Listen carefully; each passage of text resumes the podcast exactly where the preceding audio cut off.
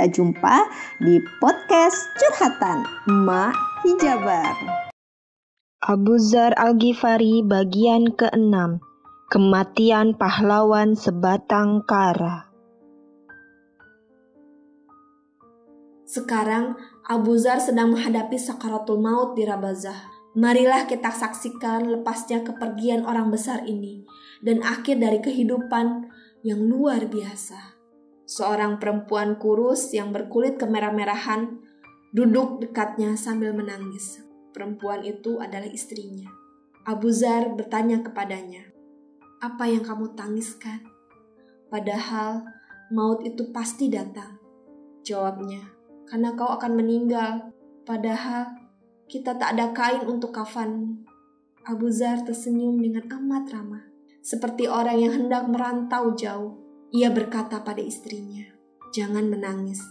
Dulu, ketika saya berada di sisi Rasulullah bersama beberapa orang sahabatnya, saya dengar beliau bersabda, Pastilah ada salah seorang di antara kalian yang akan meninggal di padang pasir liar, yang akan disaksikan nanti oleh serombongan orang-orang beriman.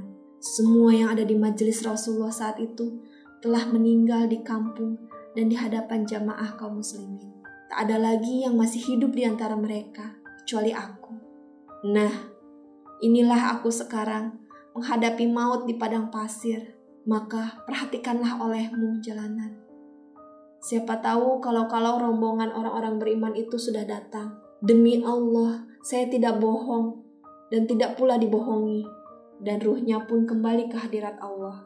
Dan benarlah, ia tidak salah. Kafilah atau pedagang yang sedang berjalan cepat di padang Sahara itu terdiri atas rombongan kaum mukminin yang dipimpin oleh Abdullah bin Mas'ud, sahabat Rasulullah Shallallahu Alaihi Wasallam. Sebelum sampai ke tujuan, Ibnu Mas'ud melihat sesosok tubuh yang terpujur seperti tubuh mayat. Sedang di sisinya ada seorang wanita tua dengan seorang anak. Kedua-duanya menangis. Dibelokkannya ke kang kendaraan ke tempat itu, diikuti dari belakang oleh anggota rombongan. Pandangannya jatuh ke tubuh mayat, tampak olehnya wajah sahabatnya, saudara seagama dan saudara pembela agama Allah, yakni Abu Zar. Air matanya mengucur lebat dan di hadapan tubuh mayat suci itu ia berkata, Benarlah ucapan Rasulullah, Anda berjalan sebatang kara, mati sebatang kara, dan dibangkitkan nanti sebatang kara. Ibnu Mas'ud pun duduk dan menceritakan kepada para sahabatnya apa maksud dari ucapan pujian tadi. Anda berjalan seorang diri, mati seorang diri, dan dibangkitkan nanti seorang diri. Ucapan itu terjadi sewaktu perang Tabuk tahun ke-9 Hijriah. Rasulullah Shallallahu Alaihi Wasallam telah menitahkan untuk maju dan menghadang pasukan Romawi yang telah berkumpul di suatu tempat. Mereka telah siap perang untuk menggempur umat Islam. Ketika Nabi menyerukan kaum muslimin untuk berjihad, saat itu sedang panas terik. Tempat yang akan dituju jaraknya amat jauh. Sedang musuh menakutkan pula. Sebagian kaum muslimin ada yang enggan ikut karena berbagai alasan. Rasulullah dan para sahabatnya berangkat diikuti oleh sebagian orang yang setengah terpaksa karena enggan. Bertambah jauh perjalanan mereka, semakin bertambah pula kesulitan dan kesusahan yang diderita. Bila ada orang yang tertinggal di belakang, mereka berkata, Wahai Rasulullah, si Anu telah tertinggal. Maka Rasul berujar, Biarkanlah, andainya ia berguna tentu akan disusulkan oleh Allah pada kalian dan andainya tidak, maka Allah telah membebaskan kalian daripadanya. Pada suatu waktu, mereka berkeliling dan tidak tampak Abu Zar. Mereka berkata kepada Rasulullah Shallallahu Alaihi Wasallam, Abu Zar telah tertinggal. Keledainya menyebabkan ia terlambat. Rasulullah mengulangi jawabannya tadi. Keledai Abu Zar memang telah amat lelah disebabkan lapar dan haus, serta terik matahari, sehingga langkahnya menjadi gontai. Berbagai cara telah dicoba agar berjalan cepat, tetapi kelelahan bagai merantai kakinya. Abu Zar merasa bahwa jika demikian, ia akan tertinggal jauh dari kaum muslimin hingga tak dapat mengikuti jejak mereka. Maka ia pun turun dari punggung kendaraannya. Diambilnya barang-barang dan dipikulnya di atas punggungnya, lalu ia teruskan perjalanan dengan berjalan kaki. Dipercepatlah langkahnya di tengah-tengah padang pasir yang panas menyala itu.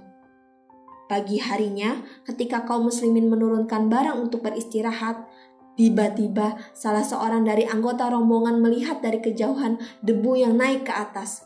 Di belakangnya terlihat sosok tubuh seorang laki-laki yang mempercepat langkahnya. Wahai Rasulullah, itu ada seorang laki-laki berjalan sendiri, ujar Rasulullah. Mudah-mudahan orang itu Abu Zar. Musafir mulia itu mendekati mereka secara lambat. Langkahnya bagi disentakan dari pasir lembut yang membara.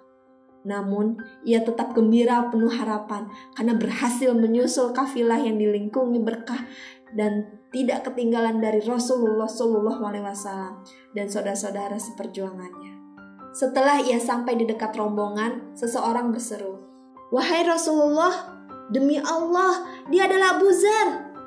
Sementara itu, Abu Zar menunjukkan langkahnya ke arah Rasulullah. Rasulullah melihatnya Tersenyumlah beliau dengan penuh santun dan belas kasihan.